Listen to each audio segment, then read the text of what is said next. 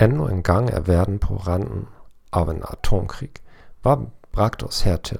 I løpet av de siste 30 år har vi akseptert fryktelig dobbeltmoral. Noen land mente at de hadde rett til å invadere andre land. Irak, Afghanistan og Libyen er blott noen få eksempler. Problemet er at hvis vi oppfører oss som om vi er hevet over loven, vil andre omkring oss gjerne efterligne oss. Mange foreldre skriker jevnlig, og de er fullstendig overrasket over at deres barn forsøker å gjøre det samme. Her er noen ideer til en personlig revisjon. Hvilken kommunikasjonsatferd hadde jeg hos andre? Hvor mange av dem viser jeg selv? Spør din partner eller dine barn. Gjør det nemt for andre å være ærlige overfor deg.